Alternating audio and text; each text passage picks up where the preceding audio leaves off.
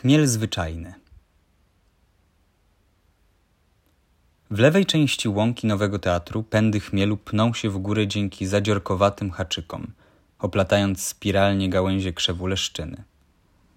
Tym samym roślina nie musi sama wydatkować energii budulca do tworzenia pnia i rozgałęzień, a zamiast tego korzysta z konstrukcji stworzonej przez inny krzew lub drzewo. Tę samą strategię wykorzystuje zresztą rosnący na przyteatralnym parkingu powojnik. Łacińska nazwa chmielu, Humulus lupulus, oddaje charakter tej rośliny z rodziny konopiowatych. Pochodzenie pierwszej części nie jest jasne. Humulus wywodzi się być może od słowa humus, ponieważ chmiel rośnie na żyznych, wilgotnych glebach. Druga część nazwy, określana w biologii epitetem gatunkowym, to zdrobnienie od łacińskiego słowa lupus, czyli wilk. Pliniusz Starszy w historii naturalnej pisze, że tak jak polujący wilk wspina się na ofiarę wskakując na nią od tyłu, tak chmiel wspina się po pniu, czasem doprowadzając do zaduszenia porastanej rośliny. Naturalny zasięg jego występowania obejmuje półkulę północną, zarówno Europę, Azję, jak i Amerykę Północną.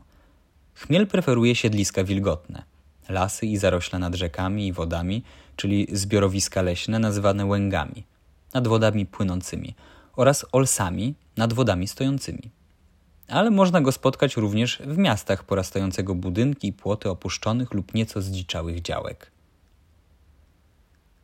Często pierwszym skojarzeniem z tym pnączem jest jego zastosowanie w produkcji piwa.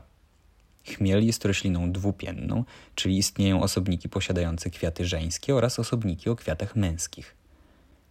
To właśnie kwiaty żeńskie, nazywane szyszkami chmielowymi, są od wieków używane do nadania piwu aromatu, zapewnienia goryczki, stabilizacji piany oraz zabezpieczenia przed zepsuciem. W średniowieczu do aromatyzacji piwa używano dużo więcej gatunków roślin, np. krwawnika, którego również możemy znaleźć na łące przy teatrze. Niektóre z ziół miały działanie pobudzające, co doprowadzało do kłótni i bujek w karczmach, dlatego w XV i XVI wieku wprowadzono w Niemczech tzw. Tak prawa czystości piwa. A jedynym ziołem, które można było dodawać, był chmiel o działaniu uspokajającym. Oj, chmielu, chmielu, ty bujne ziele, nie będzie bez cię żadne wesele. Oj, chmielu, chmielu, oj, nieboże, to na dół, to ku górze, chmielu nieboże. Tak rozpoczyna się tradycyjna obrzędowa pieśń weselna, uważana za jedną z najstarszych pieśni w języku polskim. Śpiewana podczas oczepin, starodawna melodia oparta na archaicznej skali towarzyszyła w niektórych regionach obsypywaniu pary młodej chmielem, symbolem płodności.